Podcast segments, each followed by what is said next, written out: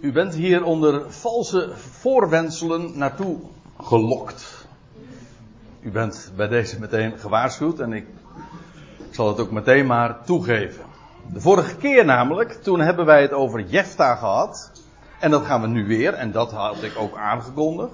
Maar ik zou het vandaag gaan hebben over de dochter van Jefta. Als u daar erg geïnteresseerd bent in zijn dochter, die overigens niet meer in ons midden is.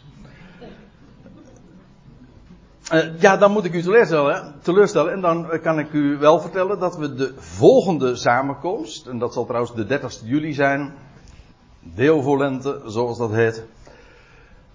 Dan willen we het alsnog daarover hebben, maar het punt is dat ik. Uh, we, hadden het dus de vorige keer over Richter 11. Richter 10, 11. En, en, ik gaf een introductie over wie die figuur was. En zoals hij de, in de Bijbel beschreven wordt. De richter Jefta. Ik bedoel, we kennen allemaal, of in ieder geval, dat zijn bekende namen als Simson, nou, bij uitstek, of een, een Ehud, iets minder bekend, of een Deborah, een Gideon. Dat zijn de richters bij uitstek die wat uh, bekendheid genieten. Jefta hoort daar uh, enigszins bij. En het is een mooi verhaal. Maar nogmaals, niet erg bekend. En het, je vindt hem in Richteren 10 en 11 en 12. Wordt daar de geschiedenis van verhaald. En wat ik, wat we de vorige keer hebben gezien, misschien dat ik dat eventjes, uh, nog eventjes in herinnering mag roepen. Dat Jefta, maar dat zou niet hoeven verbazen als je een klein beetje op de hoogte bent van hoe de Bijbel in elkaar steekt. Want alles verwijst naar uiteindelijk één persoon. In directe voorzeggingen of wel in voorafschaduwingen, in typen, in beelden. Jefta, hij is een type van Jezus Christus. Degene die ooit zou komen. Degene die Israël ook zou verlossen. en, en hoezo? Nou, laat ik u dat eens, uh, laat ik dat eens uh, nog op een rijtje zetten. Wat we de vorige keer hebben gezien. Kort. Hij wordt beschreven als een dapper held, een vaardig man. Maar van hem lezen we, hij was de zoon van een hoer. En om die reden in zijn ouderlijk huis uh, verworpen. Zijn broeders moesten niks van hem hebben.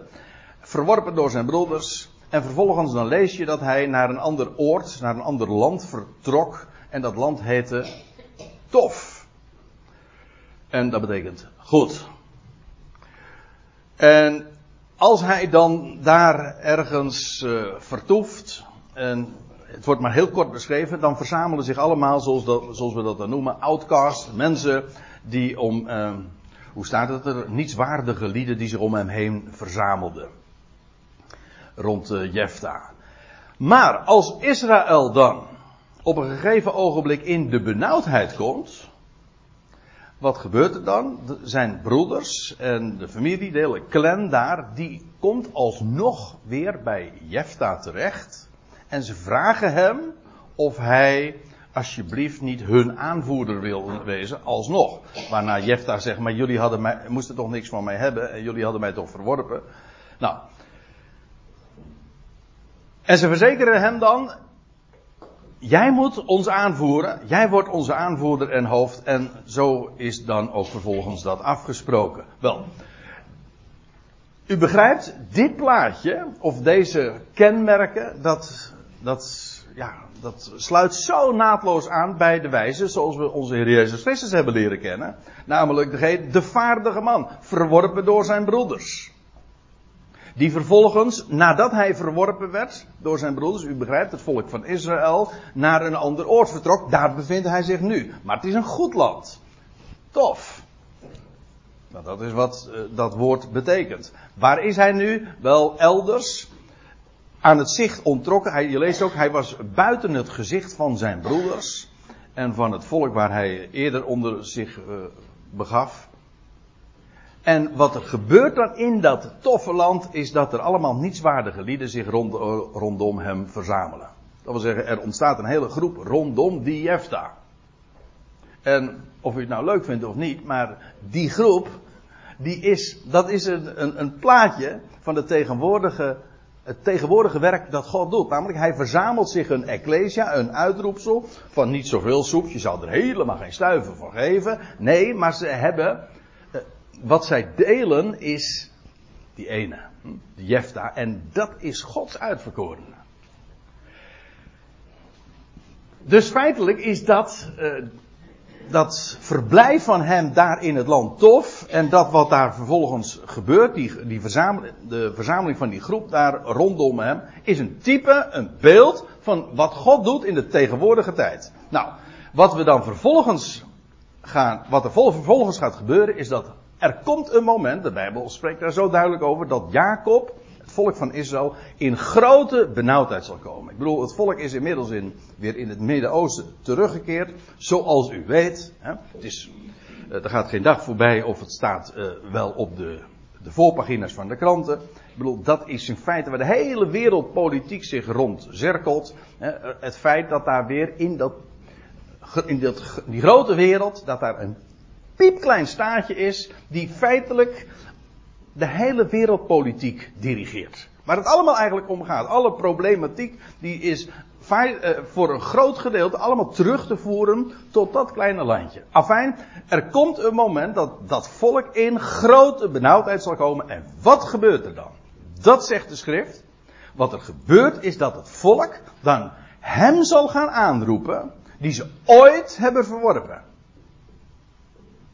Met andere woorden, Jefta komt weer terug. En hij zal alsnog dan hun hoofd worden.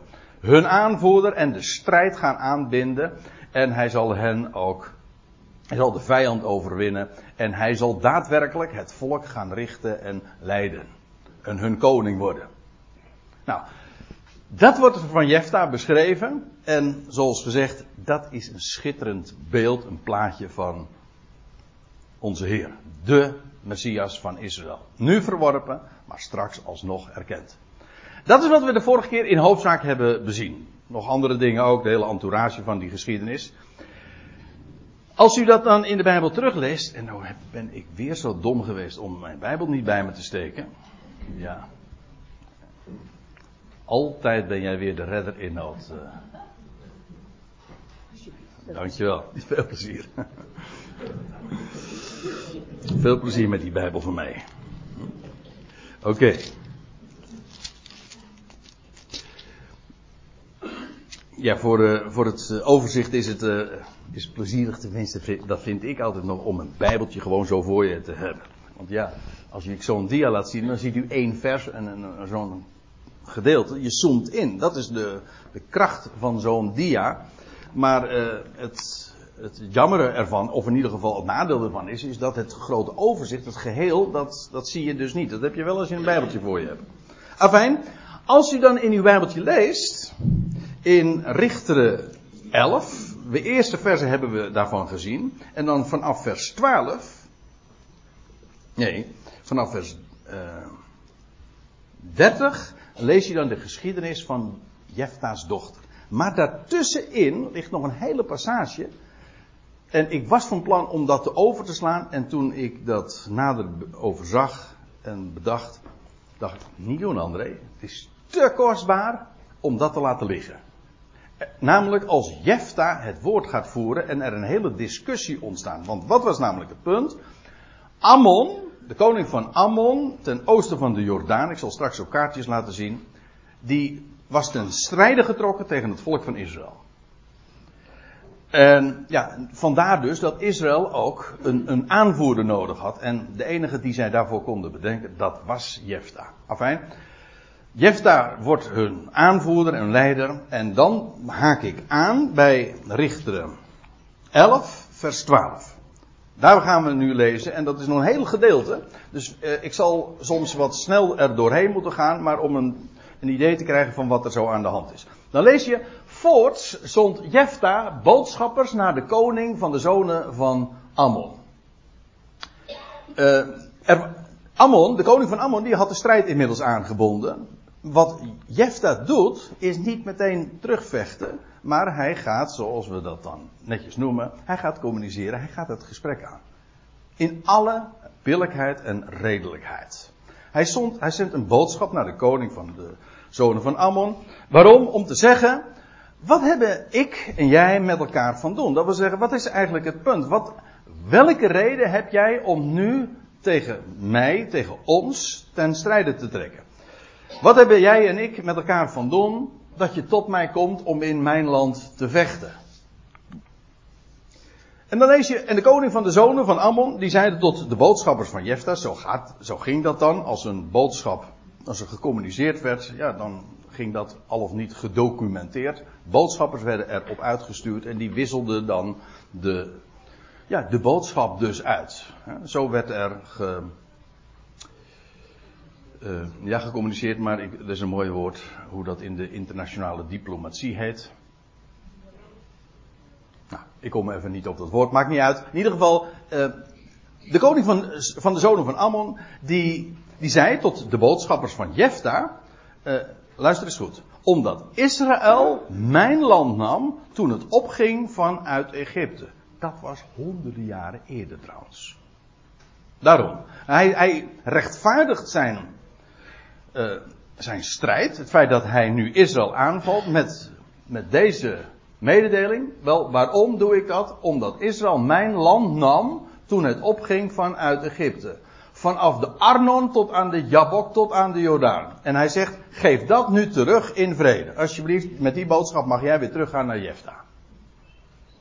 Nou, eventjes voor de helderheid. Want je ziet hier de Arnon, de Jabok, nou de Jordaan eh, weet u wellicht. Maar even een kaartje.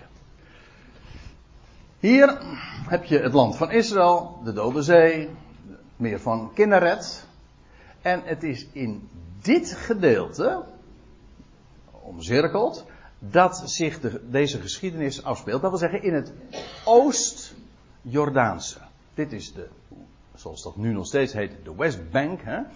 Dit is de Oostbank, om zo te zeggen, waar nu uh, Jordanië ligt. Trouwens, Ammon, ik weet niet of ik dat de vorige keer verteld heb. Ammon, dat is gewoon het huidige Amman. Dus, ik bedoel, het is niet zo moeilijk om, dat, eh, om die link te leggen. A Ammon, of uh, de hoofdstad van Jordanië. Wel, uh, en dat Rabat Ammon, uh, dat lag dan ongeveer hier. In ieder geval, de, koning van Ammon, die trok ten strijde en en die had zich hier gelegerd en hij zou dit gebied gaan, gaan bezetten. Dan lees je, jullie hebben het gebied van de Arnon tot aan de Jabok tot aan de Jordaan genomen. Dit is de Jordaan, die loopt van Kinneret naar de, de Dode Zee. Hier heb je een dwarsrivier, of zo u wilt een wadi, dat is het in ieder geval tegenwoordig. Een rivier die heet de Jabok een bijbels bekende naam, al vanaf Genesis, waar ooit Jacob heeft gestreden en waar zijn naam wordt, om, waar hij ook een omkering meemaakt, die Jacob, Jabok, dat was hier, bij deze rivier. En dit is dus Jabok, die stroomt uit in de Jordaan dus. En hier heb je de Arnon. Dat is ook een rivier die dus ontspringt ergens in Jordanië of Arabië. En die dan hier uitloopt in de Dode Zee. Dat is de Arnon. Dus hij, en dit is dus de Jordaan. Dus het gaat om het gebied tussen de Jabok en de Arnon met, de, daartussen, met als grens, de, als westgrens, de Jordaan. Dit gebied. Hij zegt, wat die koning dus van Ammon zegt, ja jullie hebben dat van ons afgepakt, ooit. Daarom. En ik pak het gewoon nu, ik vraag het nu dus weer gewoon terug. Nou ja, ik pak het gewoon weer terug. Nou, maar Jefta was niet voor één gat te vangen. Kende de geschiedenis buitengewoon goed. We zullen dat nu ook zien. Feitelijk, ik heb het ook zo genoemd. Het is de les van de geschiedenis. Wat we vanmorgen doen, dat is maar, ja, dat is echt bijbelstudie, geef ik toe. Uh, ja, het is net alsof ik me daarvoor moet uh, rechtvaardigen. Zo van, ik geef toe dat ik bijbelstudie... Mensen, wij doen, wat wij doen, is de bijbel openen.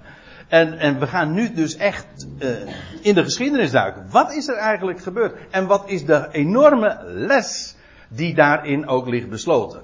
Afijn, Jefta neemt het woord. Jefta zond opnieuw boodschappers naar de koning van de zonen van Ammon. En hij zei tot hen, zo zegt Jefta. Israël nam niet het land van Moab en het land van de zonen van Ammon.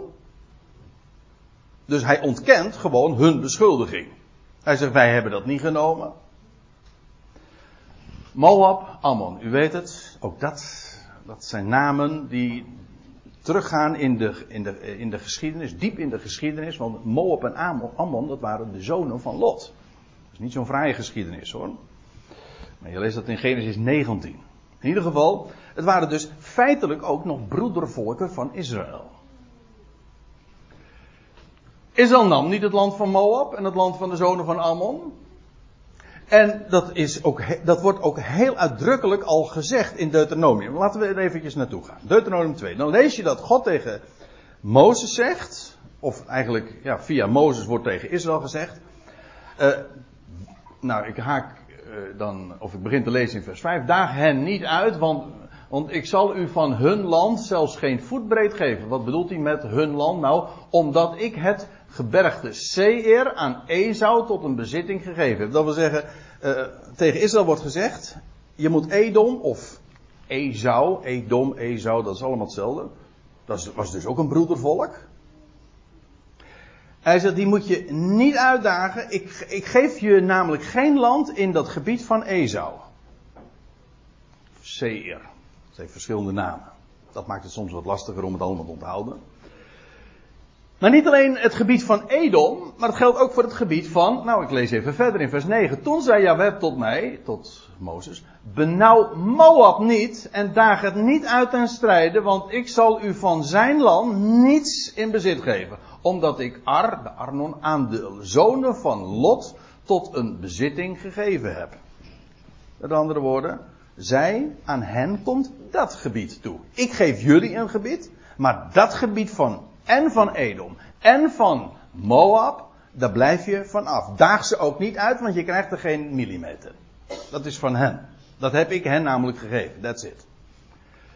Ik lees nog even verder in vers 19 van hetzelfde Deuteronomium 2. Benauw hen niet en daag hen niet uit, want ik zal u van het land der Ammonieten, van Ammon dus, niets in bezit geven, omdat ik het aan de zonen van Lot tot een bezitting gegeven. Dus en Moab en Ammon, daar blijf je vanaf. Je moet, er ook niet, je moet ze ook niet uitdagen, want dat gebied van Ammon en van Moab en ook van Edom trouwens, dat is allemaal gegeven aan die volkeren.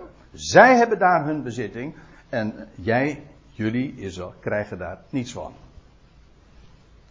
Dus, God had al gezegd, van het gebied van Ammon krijgen jullie niets. En Israël heeft dat ook niet gedaan.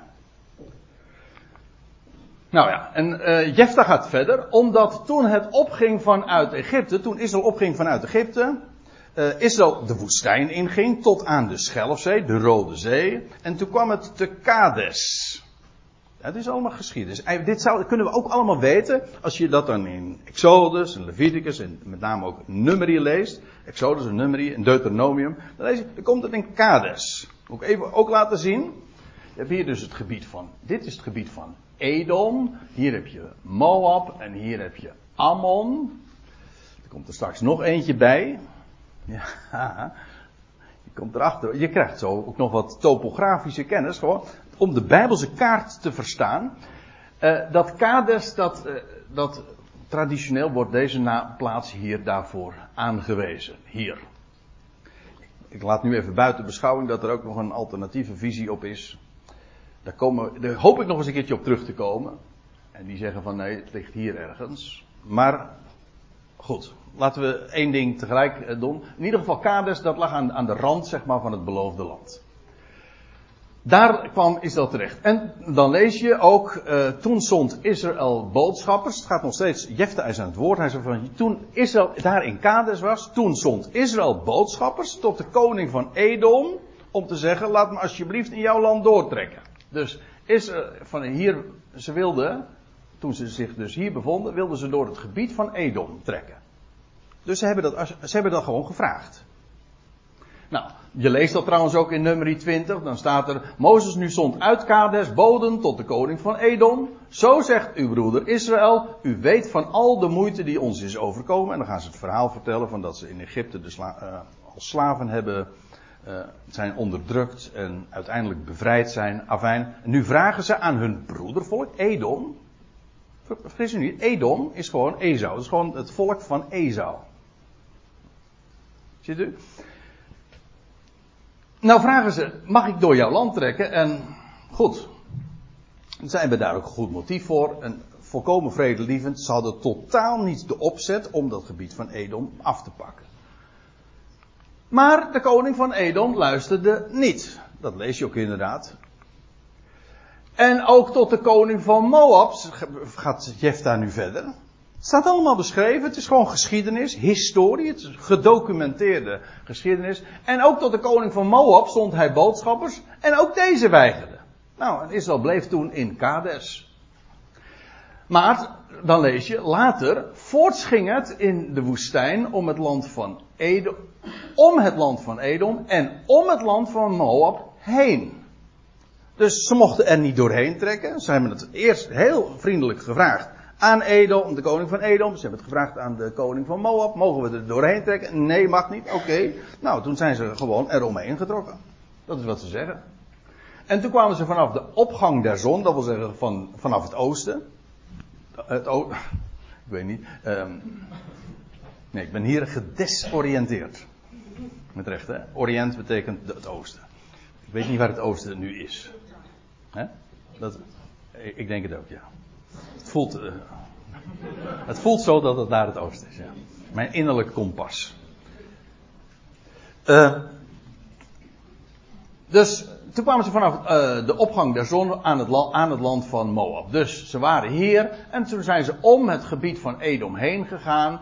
Precieze route is niet trouwens nog eh, de vraag. Maar in ieder geval één ding is duidelijk. Ze gingen om het gebied van Edom heen. En vervolgens ook om het gebied van Moab heen. En toen kwamen ze vanaf het oosten. Gingen ze dus weer richting het beloofde land.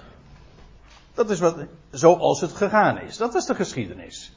En ze zijn dus, hebben geen ze hebben helemaal niets afgepakt van Moab. En trouwens ook niet van Ammon, want dat was hier. En staat er, en ze legerden zich aan de overkant van de Arnon.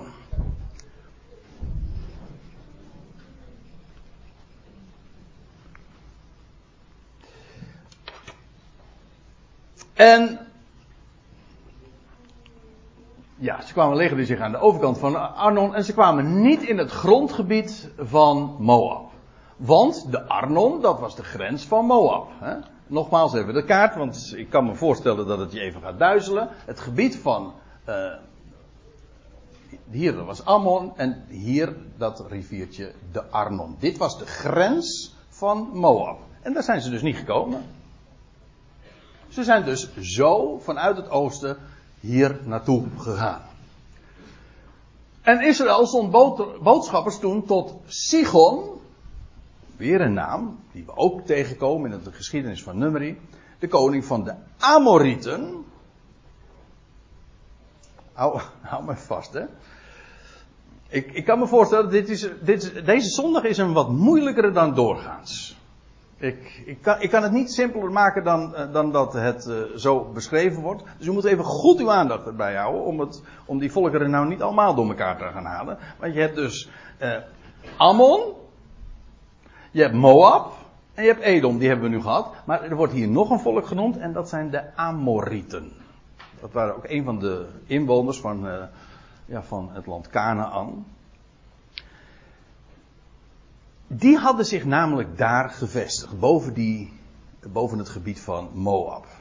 En, nou, en Israël stond boodschappers tot Sigon, de koning van de Amorieten, de koning van Gesbon. En hij zeide tot hem, alsjeblieft laat mij doortrekken in jouw land tot aan mijn plaats. Dat wil zeggen totdat ik gekomen ben waar ik wezen moet. Dat, hè, het land van Israël. Het land van het beloofde land. Maar staat er, en Sigon vertrouwde, vertrouwde Israël niet in zijn grondgebied te laten doortrekken. En Sigon, wat gebeurt er? En Sigon verzamelde heel zijn volk en legerde zich te Jagas en vocht met Israël.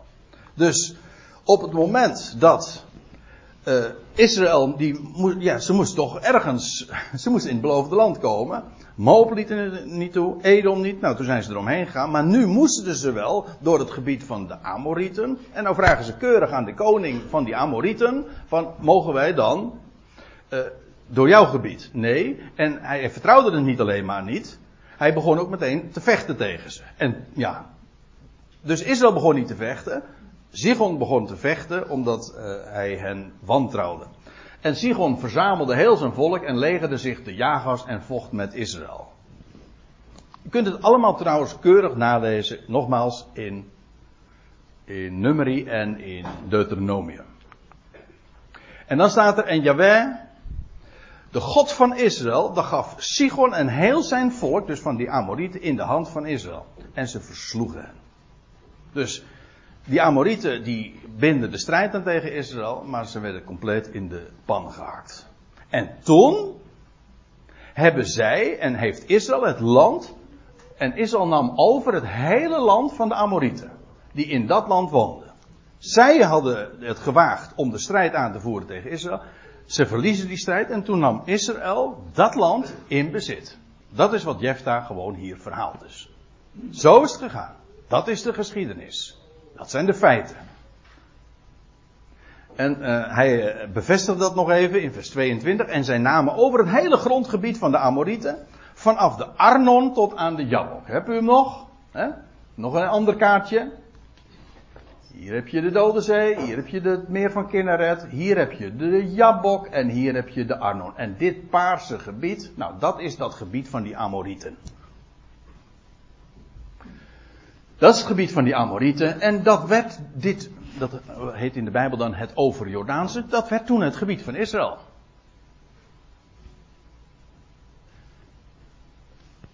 Was dus nooit, was niet het bezit van Moab, was ook niet het bezit van Ammon, het was het bezit van de Amorieten. Die waren de strijd aangegaan en die waren nu verslagen. En zodoende werd dat gebied het gebied van Israël. Nu dan, zegt Jefta.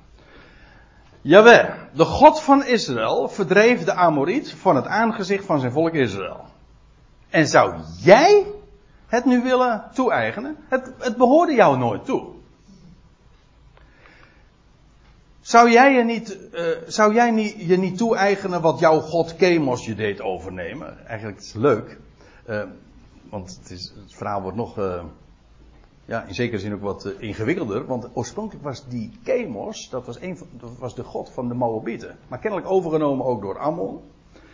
En wat trouwens ook nog opmerkelijk is, dat Jefta zich als een, ja, als een diplomaat opstelt. En hij verplaatst zich helemaal in de waarneming, in de perceptie, in de, in de beleving van, van Ammon. He, die, Ammon, zij hadden hun gebied. Nou, zegt, uh, zegt Jefta nu tegen Ammon, dat gebied wat jullie God je heeft gegeven, nou, eigen dat toe, bezit dat en that's it. Dat waar je nu aanspraak op maakt, op historisch onjuiste gronden, het was, klopte gewoon niet, Israël had het nooit van hen afgepakt. Zouden zij dus helemaal niet mogen claimen. En alles wat Yahweh, onze God, eh, dus Chemos gaf, volgens jullie eigen inzicht, jullie gebied. Nou, alles wat Jawel onze God, hè, verdreef voor ons aangezicht, dat eigenen wij toe. Dat is helemaal, daar komt dus helemaal niks van jullie bij. En nu dan, ben jij veel beter dan Balak, de zoon van Sippor, de koning van Moab. Kent u die geschiedenis nog?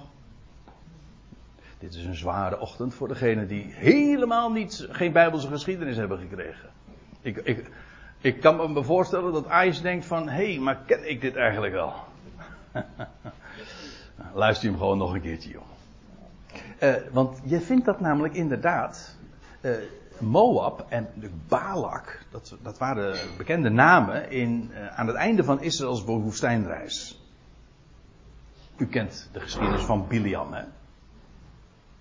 Biliam, dat was die figuur, die profeet, die ingehuurd was door Balak en die moest Israël dan gaan vervloeken. Maar wat Moab, de koning van Moab, Balak, hè, de zoon van Sippor, koning van Moab dus, nooit heeft gedaan, Hoewel hij het niet had op Israël. Hij heeft nooit getwist met Israël en nooit het, uh, het recht op het land van de Amorieten, wat Israël nu bezat, heeft hij nooit ter discussie gesteld. Over het grondgebied van uh, dat Ammon nu betwist, dat heeft Moab nooit gedaan. Hij zegt, ben jij nu, zijn jullie Ammonieten, zijn jullie beter, hebben jullie meer recht soms dan Moab? Of uh, vocht uh, Moab ooit met Israël hierover? Nooit. En waarom jij dan wel nu? En terwijl Israël in Gesbon, en terwijl Israël in woonde en in haar randgebieden en in Aroer in haar randgebieden en alle steden die aan de oever van de Arnon zijn, dat, dat paarse gebied wat ik u juist liet zien, hè, dat overjordaanse, Israël woonde daar. is nooit van Moab geweest, nooit van Ammon geweest en nu woonde Israël daar. Nou, Inmiddels, zegt Jefta, dat is al 300 jaar. 300 jaar. Dat is een heel eind. daar wil ik u nog wat over vertellen. Over, de, over het Bijbelse chronologie, want dat is een mooi onderwerp. Ik ga u wat vertellen. Abraham, ik ga dat nu even niet toelichten, werd geboren in het jaar 2000 sinds Adam. Anno hominus.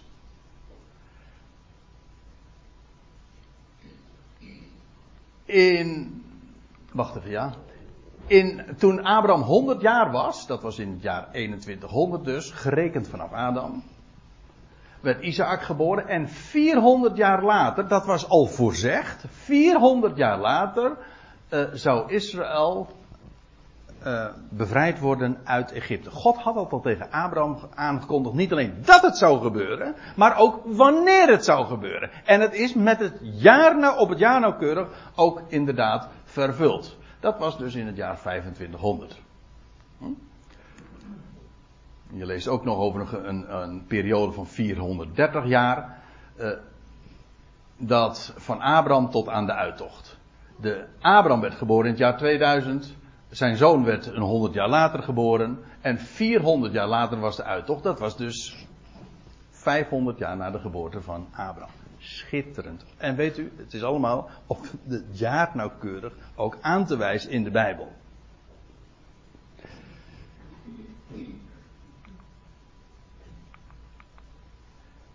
Dan, in dat jaar, trekt Israël uit uit Egypte. En dan gaan ze, komen ze in de woestijn terecht. U weet, dat was 40 jaar. Toch? 40 jaar zijn ze in de woestijn geweest. Tot 2540. En dan lees je ook nog dat ze er 10 jaar over hebben gedaan. Voordat het land ook veroverd was. En dat het hun eigen bezit ook was geworden. In totaal een periode, dat wordt in Handelingen 13 ook genoemd. Een periode gerekend vanaf Isaaks geboorte tot aan de verdeling van het land is 450 jaar geweest. De Bijbel zegt dat zo. Oké, we gaan nu nog even verder. Want vanaf de uittocht uit Egypte tot aan de start van de, de bouw van de tempel, dat is volgens de Bijbel een periode geweest van 480 jaar nog weer twintig jaar later, toen was het helemaal voltooid, was Jeruzalem het bezit van Israël. Ik bedoel, ook het paleis was voltooid, de tempel was voltooid. Dat was weer 500 jaar later. Schitterend. Ik, laat, ik stip het nu even aan, maar het is zo geweldig, ja, fenomenaal hoe die hele Bijbelse geschiedenis uh, verdeeld is in perioden van 500 jaren. Ook 10 keer jubeljarenperiode. Want een jubeljaar is altijd het vijftigste jaar. Daar zit zo'n geweldig design en uh, uh, zo'n geweldig patroon in. En, maar nu even dit. Die hele periode vanaf de uittocht uit Egypte tot aan de voltooiing van de tempel, dat was 500 jaar. Of toen Salomo begon met de bouw van de tempel, dat was 480 jaar. Nou, toen Israël um, in het land was, en ook het land verdeeld was, dat was in het jaar 2550. Toen volgde er vervolgens een periode van 300 jaar. Daarover heeft Jefta uit. Hij zegt, Israël bevindt zich nu in dat land, uh, in, ons, in dit land, wat jullie nu betwisten, al 300 jaar. En, de, en daarmee weet je dus ook in welk jaar dit ongeveer heeft, uh, is uitgesproken. En wanneer dit allemaal speelde. Want je kunt dan gewoon hier beginnen te rekenen, 300 jaar verder. En dat was dus in het jaar 2850. Ongeveer. Want je zou kunnen verdedigen dat Jefta het hier afrondt. Oké. Maar dan nog. Als het precies was, dan was het weer een jubeljaar trouwens. Waarvan akte. Was deze gebeurtenis een, in een jubeljaar. Dit is dus die periode van, periode van de richteren. Van, nou, we noemden ze hun namen al en waarin het hele boek Richteren zich afspeelt. En pas hier uh, beginnen de, de, de koningen van Saul en van, van David en van Salomo. Dit ligt inmiddels achter, achter uh, in de geschiedenis. En als Jefta dus zegt van, ja jullie betwisten nu dit gebied, maar dit was jullie van, van nooit van jullie. En inmiddels woont Israël hier al 300 jaar en het is zelfs door Moab nooit betwist. En waarom jullie nu dan? Waarom hebben jullie dan niet bevrijd in die tijd, in de achterliggende 300 jaar? Dat is absurd. Dat is bizar. Jullie, kennen geen enkele, jullie hebben geen enkele reden om die claim uh, op dit land te leggen. Zo doet Jefta zijn verhaal. Hij vertelt gewoon de geschiedenis, de feiten. En zegt er nog, nog iets bij. Hij zegt, en ik heb niet tegen jou gezondigd. Maar jij, koning van Ammon, jij doet mij kwaad aan door tegen mij te vechten. Dat is helemaal wat jullie doen. En dan staat er, en eigenlijk is dit. Uh, Goedemorgen. Ja, ik ben alvast maar begonnen.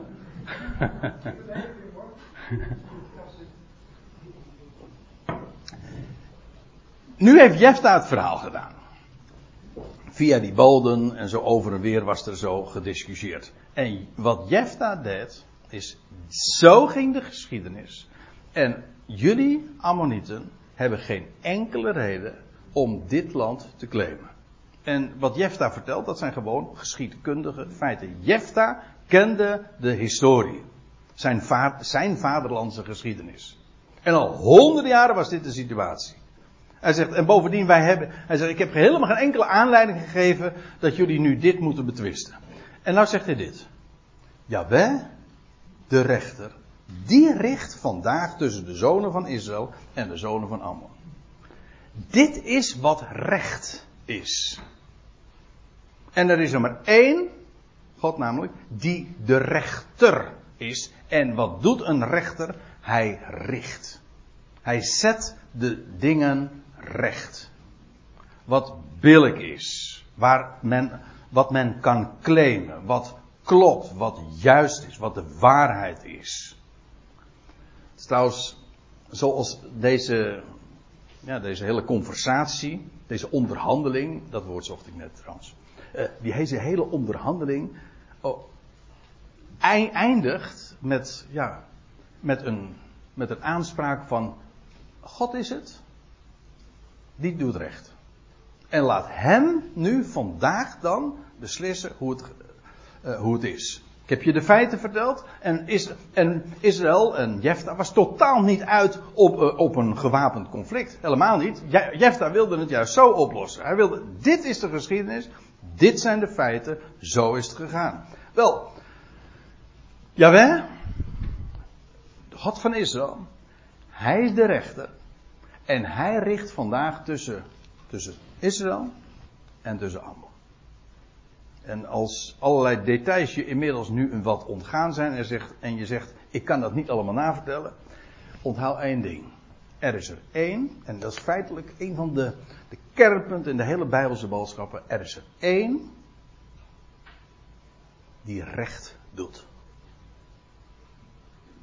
Hij, altijd, hoe, vaak lees je dat ook niet in de psalmen. God is inderdaad de Almachtige, maar hij is ook recht rechtvaardig. Rechtvaardig wil zeggen, hij is vaardig in het recht.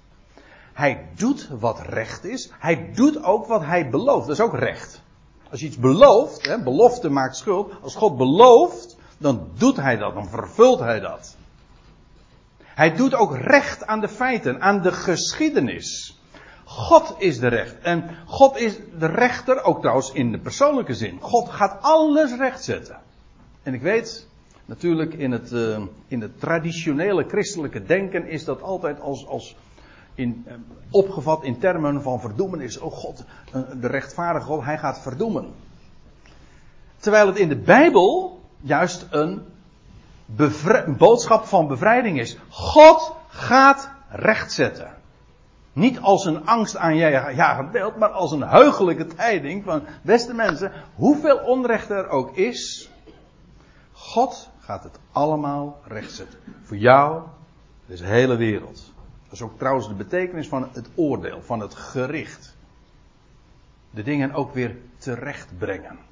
Dus daar waar Jefta nu uiteindelijk in zijn verhaal mee eindigt, dat is zo'n basisbegrip in de hele Bijbelse boodschap. God is de rechter. En wat Jefta zegt is, hij zal ook inderdaad recht verschaffen. En ja, dan lees je dat de koning van Ammon niet voor reden vatbaar is. Want dan lees je in vers 28, maar de koning van de zonen van Ammon, die luisterde niet. Dat is inmiddels trouwens ook een bekend verhaal, want dat deed de koning van Edom niet, dat deed de koning van Moab niet. En nu de, de koning van, uh, van Ammon evenmin. Ook nu niet. Hij luisterde niet naar de woorden die Jefta tot hem had gezonden. Ja, ja en dan. Hij was al begonnen met gevecht. Jefta probeerde hem tot vrede te manen en hij vertelt de geschiedenis. Hij is daar niet voor in. En dan lees je, toen kwam. Dat is eigenlijk het keerpunt. Toen kwam de geest van Yahweh over Jefta.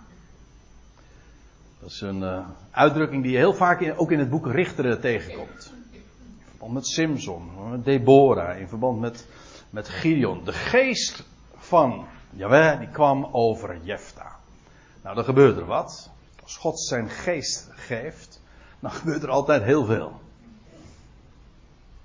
Uh, het gaat hier trouwens niet eens zozeer over dat hij zijn geest in iemand geeft, waardoor je dingen gaat zien, zoals wij dat mogen beleven. Als God zijn geest geeft, je, je doet een ontdekking. Maar het gaat, het, hier wordt nog gesproken over dat de geest op iemand komt. En dat is een heel demonstratief gebeuren. Als, als, als een stortbui die op iemand neerplant, zeg maar. Als, als de geest dan over Jefta komt, dan werd hij bekrachtigd. En hij, dan staat er, en hij, trok door Gilead, door Manasse, dat hele gebied waar, waar die stammen zich hadden gevestigd in dat over Jordaanse. Voorts door Mispa, ik heb u de vorige keer dat nog aangewezen in Gilead. En vanaf Mispa, die uitkijkplaats, want dat betekent Mispa, in Gilead, daar bevond hij zich, daar woonde Jefta trouwens ook. En vanaf Mispa, in Gilead, in dat gebied, daar trok hij door tot de zonen van Ammon. Nu moest hij, hij was gedwongen om inderdaad te strijden. En Jaweh, hij zou inderdaad als rechter, zo roept Jefta hem ook aan, die zou dan de, beslissen en ook demonstreren aan wie uh, wat recht was, wat correct was, wat juist was. Nou, en dan ja, dan, dan wordt de geschiedenis voortgezet. Maar daar gaan we het dus de volgende keer over hebben. Ja. Over dat Jefta dan uh, een gelofte doet. Een hele merkwaardige uitspraak. En, wat er, en dat heeft alles met zijn dochter te maken. En hoe dat is afgelopen, daar gaan we het de volgende keer over hebben.